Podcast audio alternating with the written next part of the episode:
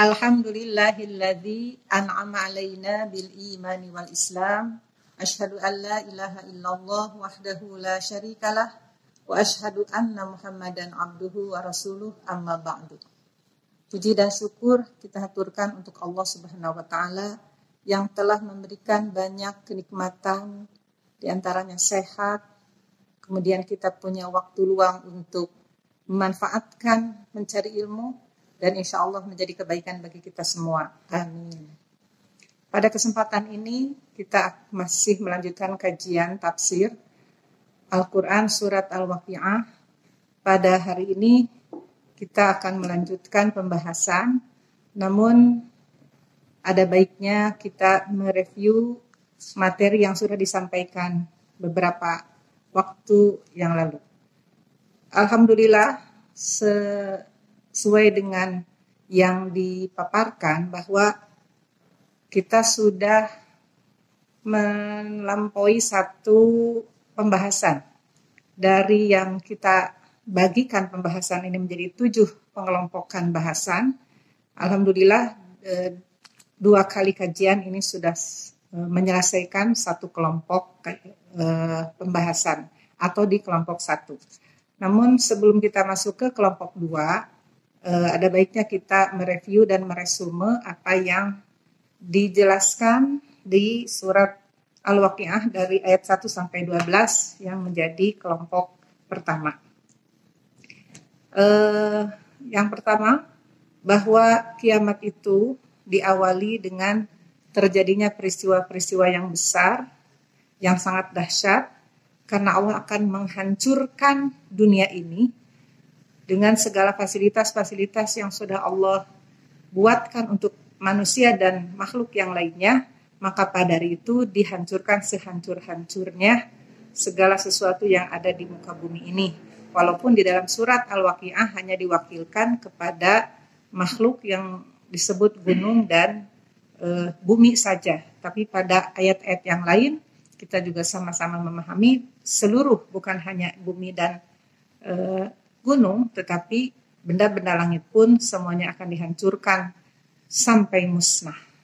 Kemudian dengan kiamat juga akan menempatkan posisi manusia dan mengelompokkan manusia yang diterangkan dalam e, ayat yang sebelumnya bahwa tempat atau posisi manusia itu ada di dua e, tempat yaitu di surga dan di neraka.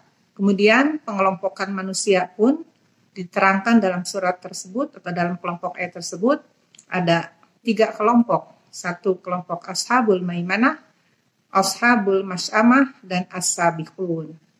Ketiga kelompok ini jika kita e, posisikan maka ashabul maimanah dan as-sabiqun adalah di kelompok surga dan ashabul mas'amah adalah di kelompok neraka. Jika kita mau meranking urutan yang tiga itu eh, dari sisi ranking yang terbaiknya, gitu. maka ranking satu adalah asabikun, yang kedua ashabul maimanah, yang ketiga ashabul mas'amah. Pertanyaannya, eh, pada urutan surat Al-Waqiah ini as-sabiqun justru ditempatkan di akhir. Di urutan yang ketiga. Tidak diurutkan di nomor satu. Mengapa demikian? Baiklah kita mencoba menganalisis dari beberapa keterangan tafsir mengenai posisi urutan as-sabiqun ditempatkan di posisi tiga. Sebagaimana tadi dijelaskan bahwa surat ini diawali dengan kejadi akan terjadinya eh, peristiwa-peristiwa yang sangat besar, yang sangat uh, bisa jadi mencekam ya ketika nanti itu terjadi dan diharapkan ayat ini akan memotivasi manusia. Berita ini adalah berita yang benar, berita yang pasti akan terjadi. Maka manusia yang hari ini mendengar berita itu hendaknya bagi manusia yang memiliki potensi baik akan terus meneruskan kebaikannya. Dan bagi manusia yang berpotensi buruk, maka bagaimana supaya dimunculkan rasa takut karena ada berita yang tadi yang akan benar-benar terjadi sehingga manusia harusnya takut dengan eh, kabar-kabar yang berupa ancaman itu. Kemudian manusia yang merasa nyaman dengan kebaikan maka hendaklah menjadi tambah yakin dan insya Allah bagi mereka yang seperti itu tidak akan ada rasa takut sama sekali. Jadi eh, dengan permulaan surat menggambarkan sesuatu kejadian yang hebat ini diharapkan walaupun pada kenyataannya masih saja ada orang yang tidak takut, ada orang yang tidak menerima kabar ini, tapi ayat Al-Quran pada dasarnya adalah terus-menerus memotivasi, bahkan selalu berpositif thinking kepada manusia agar manusia menjadi uh, lebih baik. Walaupun dengan sejarah-sejarah yang buruk atau kejahatan kejahatan-kejahatan yang terjadi di sekitarnya. Tapi ayat Al-Quran pada akhirnya menggiring manusia supaya menjadi lebih baik. Oleh karenanya urutan yang disimpan di nomor satu adalah Ashabul Maimanah. Bagaimana ayat ini memotivasi supaya manusia menjadi kelompok yang beruntung. Tidak dimunculkan dulu mas'amah atau urutannya tidak seperti ini. Karena tadi kelompoknya pada akhirnya adalah surga neraka, misalnya yang surga dua-duanya di uh, urutannya bersamaan, mana yang neraka sendiri sehingga misalnya kalau urutannya neraka dulu al-masyamah dulu, kemudian untuk surga al-maimanah dan asabikun. Tapi ini seperti diselang. Surga, neraka, surga. Nah, untuk urutan ini kenapa surga didahulukan? Untuk tadi memotivasi bahwa Allah tetap gitu dengan Al-Qur'an ini bagaimana ingin mendidik, ingin menjaga manusia dari hal-hal buruk akibat-akibat yang diperoleh nanti di hari kiamat. Kemudian baru digambarkan perbandingannya yaitu yang tidak beruntung atau dengan istilah yang e, malang gitu atau yang mendapatkan e, sanksi atau kesengsaraan nanti. Dan di akhir adalah yang posisi yang tadi aman dengan kebaikan. Mereka yang sudah tidak lagi mempertentangkan urusan ketaatan atau lain, melainkan mereka sudah aman sehingga mereka tidak mendapat sorotan yang urutan itu jadi tidak tidak mengurangi kesempurnaan Al-Qur'an ketika urutan asabikun disimpan di yang ketiga.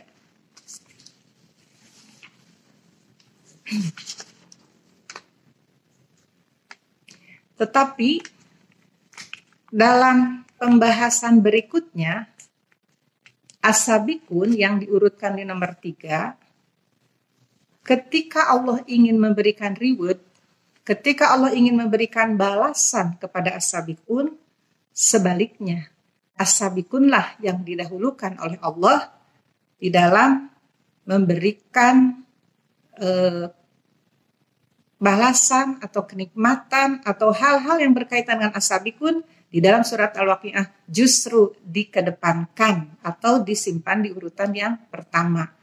Hal ini karena untuk menghargai atau mengapresiasinya Allah kepada mereka karena mereka istimewa di mata Allah yaitu as-sabiqun. Mereka yang selalu bergegas, yang selalu merespon perintah-perintah Allah dengan cepat, dengan eh, bukan berarti cepat burung busuk gitu, tapi dengan selalu ingin menjadi yang terdepan, menjadi yang terbaik dan itu datang dari hati yang tulus dari mereka. Nah, untuk itu, maka bagian selanjutnya adalah akan membahas balasan-balasan yang akan diterima oleh kelompok yang tiga tadi, yang kita sudah uraikan di uh, ayat sebelumnya. Maka pada kelompok kedua ini, yang akan dibahas adalah tentang balasan Allah terhadap as-sabiqun Ayat ini berkisar dari ayat 13 sampai 26. Namun di dalam e, pemaparannya kita akan rinci, kita akan urai menjadi lima bagian. Jadi kelompok dua ini ada lima bagian, yaitu kelompok ayat 13 14, kelompok yang kedua 15 sampai 19, kelompok 3 20 sampai 21, kelompok 4 22 sampai 24, kelompok 5 25 sampai 26. Baiklah, kita mulai eh, penjelasan atau penafsiran kelompok kedua yaitu bagian pertama ayat 13 dan 14. Seperti biasa kita baca dulu ayatnya. A'udzu billahi minasyaitonir rajim. Sullatum minal awwalin wa qalilum minal akhirin. Terjemahnya. Sullatun minal awwalina. Sullatun artinya kelompok dari orang-orang terdahulu. Sullatun minal awwalina sekelompok orang dari orang-orang terdahulu atau kelompok yang banyak dari kelompok terdahulu wa qalilum minal akhirin dan kelompok yang sedikit dari orang-orang yang kemudian atau orang yang hari ini masa kini. Kita satu-satu eh, pelajari dari ayat ini 13 dulu. Sulatum minal awwalina. Ada dua bahasan sulatun dan al-awwalin. Sulatun secara bahasa artinya jama'atun. Jama'atun itu adalah to'ifatun minan nasi. Jama' itu adalah kelompok. Yang maksud kelompok itu adalah to'ifatun minan nasi. Jadi sekelompok segerombolan orang. Jadi artinya tidak satu dua orang tapi banyak. Menunjukkan sulatun ini jumlah yang banyak. Atau lagi di eh, tarifkan al-adadul kathiru minan nasi jumlah yang banyak dari manusia. Itu secara lafad eh, makna dari sulatun. Kemudian posisi sulatun ada perbedaan pendapat ya dari para mufasir ini mengenai eh, posisinya. Sulatun marfu menempati dua eh, ini tempat dua perbedaan pendapat. Yang satu sulatun itu adalah mubtada sekelompok orang yang mengatakan itu adalah mubtada. Yang yang satu lagi adalah khabar mubtada. Yang menyatakan itu khabar mubtada menunjukkan bahwa ada yang dibuang itu mubtadanya. Bagi yang menunjukkan mubtada maka khobarnya ada pada ayat berikutnya di bawah. Jelasnya ayat 15 itu ala sururim maudunatin. Tetapi bagi kelompok yang berpendapat bahwa itu adalah mubta, uh, itu adalah khobar dan mubtadanya dibuang, maka yang dibuang itu ditakdirkan, dikira-kirakan adalah domir hum, yaitu domir yang kembali kepada lapad yang sebelumnya, yang sedang ya, yang menjadi pembicaraan di akhir, yaitu asabikun. Jadi asabikun diganti dengan isim domir, sehingga ini menerangkan sulatun minal awalin, maksudnya hum Sulatum minal awalin. Kelompok satu ini, eh, maaf, kelompok dua ini maksudnya di bagian satu ini di ayat 13-14, apa yang diterangkan di dua ayat ini, di dalam eh, judul tadi subnya, subjudulnya adalah balasan terhadap asabikun, sebelum memaparkan eh, apa balasan yang akan diterima oleh asabikun, diawali dulu dengan prosentase jumlah ashabikun itu. Karena tadi adalah istimewa, ada kelebihan dari ashabul yamin, ashabikun itu, maka karena ada keistimewaan, maka ada pembahasan yang lebih dibanding dengan dua kelompok yang lainnya. Nah, ketika membahas ashabikun diawali dulu dengan prosentase jumlah ashabikun realnya seperti apa. Al-Quran menjelaskan sulatum minal awalin yang termasuk asabikun itu jumlahnya banyak. Tapi minal awalin dari kelompok manusia terdahulu atau manusia yang kelompok manusia pertama.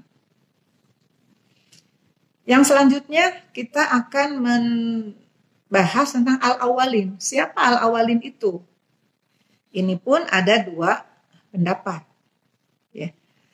Yang pertama menurut Ibnu Jarir dalam kitab Ibnu Katsir bahwa al-awwalin itu adalah al-umamul madiyatu, umat-umat terdahulu. Sedangkan al-akhirin hadhil ummatu, yakni ummata Muhammadin. Dan yang disebut al-akhirin adalah umat Nabi Muhammad. Menurut Ibnu Jarir. Jadi al-awwalin adalah umat-umat sebelum Nabi Muhammad Shallallahu alaihi wasallam dan al-akhirin adalah umat Nabi Muhammad Shallallahu alaihi wasallam.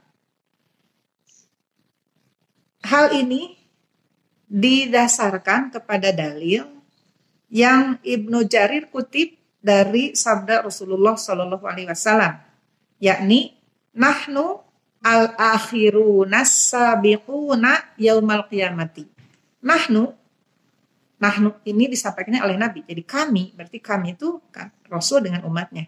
Al akhirun adalah termasuk kelompok manusia al akhir. Berarti di sini menjelaskan bukan al awalin. Keterangan ini menegaskan bahwa umat Nabi Muhammad adalah al akhirun. Bahkan as-sabiqun menempati level yang tertingginya yaumal qiyamah pada hari kiamat. Nah, ini yang dijadikan alasan oleh Ibnu Jarir menafsirkan al-awwalin adalah umat-umat sebelum Nabi Muhammad dan al-akhirin adalah umat Nabi Muhammad. Nah, di dalam keterangan ini ada penjelasan bahwa hadis atau dalil ini atau argumen ini lemah. Sehingga Ketika ini dilemahkan, maka sepertinya untuk dijadikan e, argumen ya tidak bisa dipegang. Maka kita akan melihat e, perbandingan dari e, pendapat yang lainnya. E, masih tentang al-awalin dan akhirin. Jadi kita sekaligus saja pembahasannya al-awalin dan akhirin karena menyangkut ya. Walaupun al-awalin adanya di ayat 14 tapi penjelasannya dikaliguskan dengan ayat 13. Ada hadis yang diriwayatkan oleh Abu Hurairah dan e, rawahunya Abu Hatim berbunyi seperti ini. Lama nuzilat ketika diturunkan ayat sullatum minal awwalina wa qalilum minal akhirina ketika ayat itu turun dan Nabi pasti menyampaikan kepada para sahabat menceritakan apa yang diterima oleh Nabi dari wahyunya. Syaqo zalika ala ashabin Nabi sallallahu alaihi wasallam. Ketika para sahabat mendengar Nabi membacakan ayat ini eh, bahwa sulatun minal awalin sedikit saja dari kelompok manusia eh, maaf sulatun banyak yang termasuk aw, asabikun itu dari kelompok awalin dan sedikit asabikun itu dari kelompok akhirin. Nah, berarti para sahabat sudah ada pemahaman bahwa kelompok sahabat adalah atau umat Nabi Muhammad adalah kelompok eh, antara awalin dan akhirnya para sahabat bisa jadi ya bisa jadi sudah ada pemahaman tentang siapa yang dimaksud awalin dan akhirin. Syaqqa zalika ala ashabin nabi. Pernyataan atau yang Nabi baca dari ayat ini ternyata membuat sedih para sahabat. Faqala Nabi sallallahu alaihi wasallam. Maka Nabi menjawab merespon dari kesedihan para sahabat itu. Inni la arju antakunu rub'a ahlil jannati sulusa ahlil jannati. Bal antum nisfu ahlil jannati. Au syatru. Diulangi. Uh, ini la arju antakunu rub'a ahlil jannati. Sulusa ahlil jannati. Bal antum nisfu ahlil jannati. Au syatru ahlil jannati Watu qasimunahum anis pasania. Nabi menjawabnya seperti ini. Dari ayat tadi menggambarkan bahwa yang disebut asabi pun orang mukmin yang hebat-hebat itu adanya pada masa-masa dahulu dan orang mukmin yang hebat-hebat pada masa Nabi yang sekarang ini dianggap sedikit begitu yang dipahami oleh para sahabat sehingga para sahabat merasa sedih dengan berita itu dan Nabi mengatakan inilah arju sesungguhnya aku benar-benar mengharapkan agar kalian menjadi seperempatnya ahli surga. Kalian ini pasti kepada umat, walaupun pada saat itu disampaikannya kepada sahabat yang ada. Tapi Nabi berharap, walaupun secara jumlah itu kecil, tapi bagaimana penghuni surga itu adalah diisi oleh seperempatnya umat Nabi Muhammad. Bahkan Nabi masih memotivasi, bukan menantang, yang memotivasi kepada para sahabat Sulusa ahli jannati sepertiganya menjadi ahli jannah dari kelompok umat Nabi Muhammad. Bahkan setengahnya, separuhnya, setengah separuh sampai dua kata disebutkan ada nisfun, ada syatrun. Setengahnya dan separuhnya surga itu dipenuhi oleh umat Nabi Muhammad. Dan setengah yang lainnya yang kedua silahkan kalian bagi-bagi. Kata Nabi seperti itu. Bagi-bagi berarti untuk kelompok yang lainnya jadi kelompok umat Nabi Muhammad itu Nabi menginginkan menjadi mayoritas ahli surga.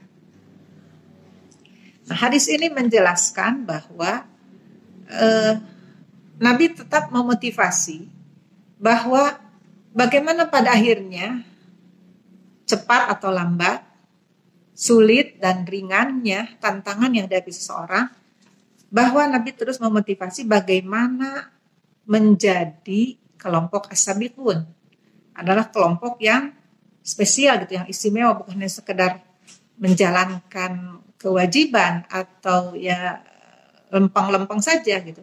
Tetapi ada lebihnya itu asabikun adalah yang selalu bersegera dan e, sifat bersegeranya itu tumbuh dalam diri sendiri jadi tidak berarti apa ya e, memunculkan sifat ria atau yang e, selain itu tapi bagaimana di dalam diri tumbuh rasa ingin selalu pasabikul khairat, ingin selalu berlomba. Ketika ada amalan soleh, camkan dalam hati bahwa bagaimana saya menjadi yang pertama tanpa harus diucapkan. Itu adalah yang dikatakan asabikun itu tadi karena sudah eh, apa ya mengabaikan urusan pribadi artinya sudah tidak berbicara lagi ingin dipuji orang itu diabaikan urusan-urusan egois sudah diabaikan asabikun itu. Kemudian bagaimana Nabi juga walaupun umatnya misalnya yang termasuk asabikun sedikit tetapi secara jumlah banyak. Prosentasenya sedikit tapi jumlahnya banyak. Bahkan Nabi tadi menginginkan seperduanya atau setengahnya umat Nabi Muhammad ini menjadi ahli surga plus asabikun. Amin. Mudah-mudahan doa Nabi ini atau harapan Nabi ini kita menjadi bagian yang dapat mewujudkan cita-cita Nabi Muhammad Wasallam. Dari hadis tersebut e, seperti mengarah gitu ya bahwa yang disebut awalin itu adalah umat terdahulu.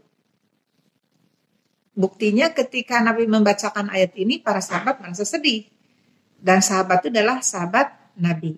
Jika ini diartikan seperti itu, mungkin saja eh, hadis ini bisa memberi apa ya eh, eh, pencerahan gitu. Yang dimaksud awalin itu di satu sisi seperti itu. Tapi ketika menggunakan argumen yang tadi yang disampaikan Abu Hatim itu lemah. Jadi lemah dari segi eh, itunya apa eh, argumentasinya.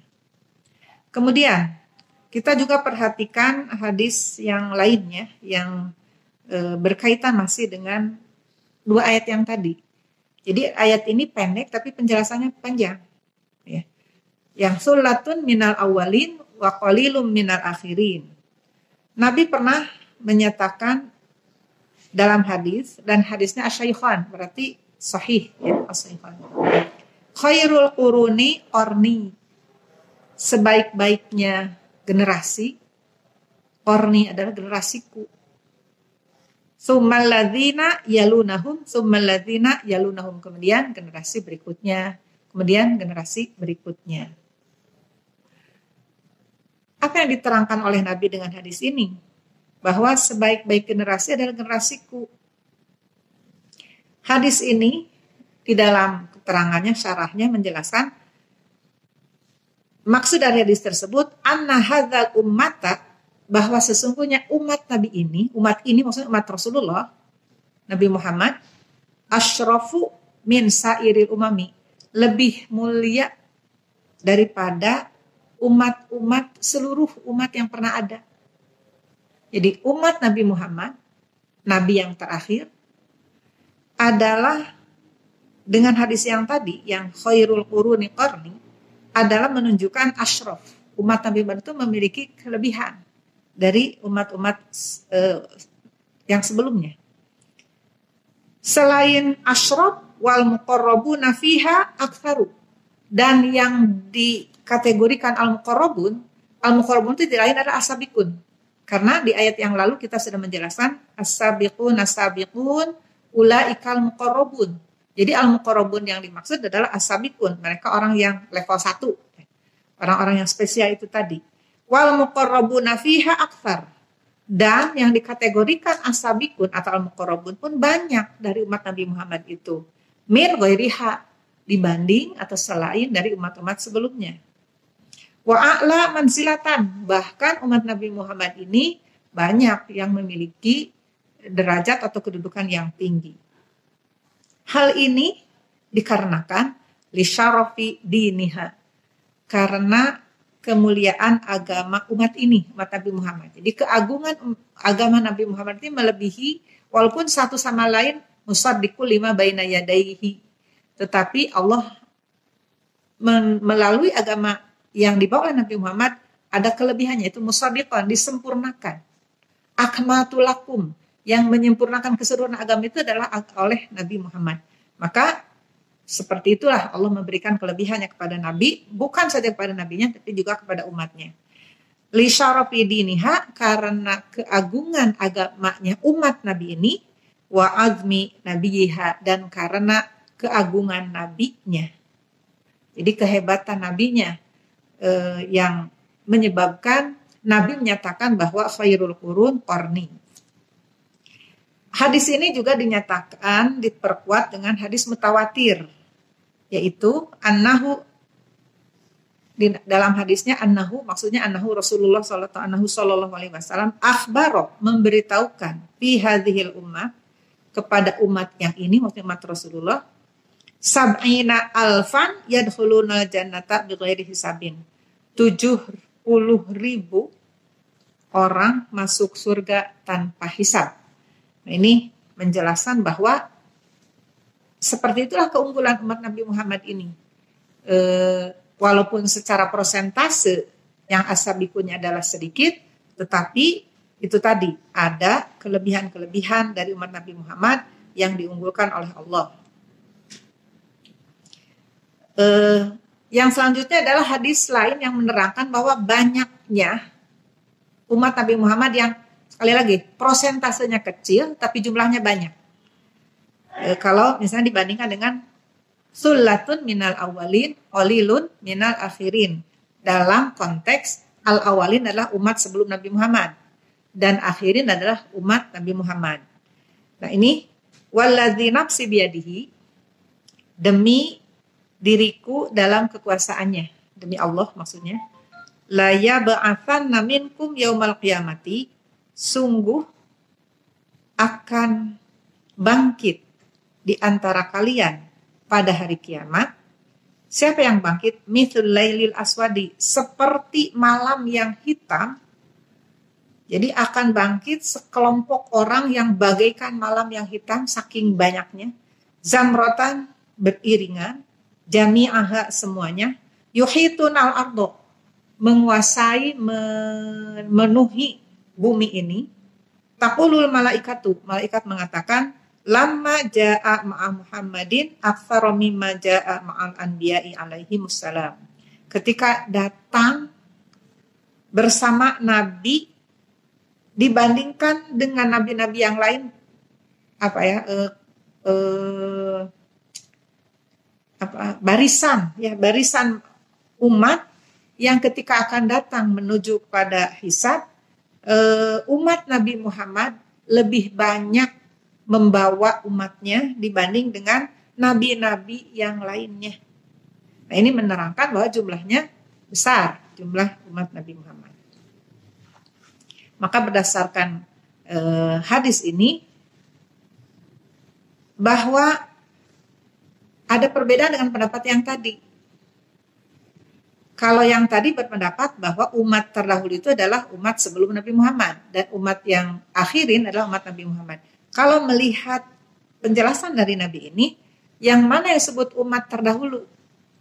Yang disebut umat terdahulu adalah umat yang korni, berarti pada zamanku, pada masa Nabi. Sedangkan yang akhirin adalah yang yalunahum, yang mengikutinya. Nah, kita apakah termasuk orang yang bersama dengan Nabi? Tentu saja kita tidak termasuk. Maka berdasarkan hadis ini, yang termasuk selatun minal awalin itu adalah orang-orang yang ada pada zaman Nabi. Jadi orang-orang yang beriman pada saat e, zaman Nabi atau bersamaan atau berdekatan masanya dengan Nabi. Tidak terlalu jauh zamannya dengan Nabi. Sedangkan al-akhirin adalah yang sangat jauh dengan Nabi. Seperti kita sudah 1500 tahun e, jaraknya dari Nabi. Sepertinya kalau dikatakan al-akhirin tidak salah kalau berdasarkan kalimat ini. E, lalu bagaimana e, apa ya e, kedua pendapat ini? Kalau Al-Marogi menyatakan ya semuanya pendapat ini bisa diterima dari satu sisi e, melihat historis umat yang terdahulu bisa jadi umat yang sebelum Nabi Muhammad. Kemudian yang hari ini adalah umat Nabi Muhammad. Dari segi Muhammad adalah e, rasul yang e, terakhir juga mengalami ada e, apa ya waktu gitu, ada kurun waktu. Maka bisa dikatakan awalin itu adalah umat Nabi yang dekat dengan Nabi atau umat-umat terdahulu dan al-akhirin adalah uh, umat Nabi Muhammad secara keseluruhan atau umat-umat Nabi Muhammad di akhir zaman ini. Oleh karena itu kemarin pendapat dari kalau tidak salah Ibnu Sirin mengatakan bahwa yang disebut uh, asabikun itu pada kita pada saat kita menerangkan ayat tentang asabikun itu katanya min kuli umatin dari semua umat. Jadi tidak dikhususkan umat Nabi Muhammad saja atau umat terdahulu saja. Itu penjelasan tafsir tentang uh, sullatun minal awalin wa qalilun minal akhirin. Jadi andai kata misalnya secara umat terdahulu uh, perbandingannya umat terdahulu dengan umat Nabi Muhammad, andai kata umat Nabi Muhammad itu jumlahnya sedikit, tapi dari hadis-hadis tadi Nabi tetap berharap walaupun prosentasenya sedikit, tapi penghuni ahli surga Nabi mengharapkan dan mudah-mudahan menjadi doa dan jadi motivasi bagi kita, kita menjadi bagian dari asabikun, menjadi bagian dari ahli surga yang Nabi mengharapkan mayoritas untuk eh, umat Nabi. Itu saja itu yang disampaikan dari bagian satu ya sulatun minal awalin, sulatun minal akhirin. Ikhwatu iman yang berbahagia, demikianlah penafsiran ayat 13 dan 14 yang merupakan bagian awal dari kelompok kedua. Jadi yang dijelaskan adalah mengenai prosentase asabikun. Jadi asabikun tadi diistimewakan dalam pembahasannya sampai disebutkan bagaimana prosentase mereka asabikun itu. Karena eh, waktu sudah memadai untuk kita akhiri, insya Allah pertemuan berikutnya kita akan lanjutkan di bagian kedua ini untuk membahas eh, ayat-ayat yang lainnya. Terima kasih atas segala perhatiannya dan mohon maaf atas segala kekurangan dan kesalahannya. Aku qouli hadza wa astaghfirullah li wa lakum. Wassalamualaikum warahmatullahi wabarakatuh.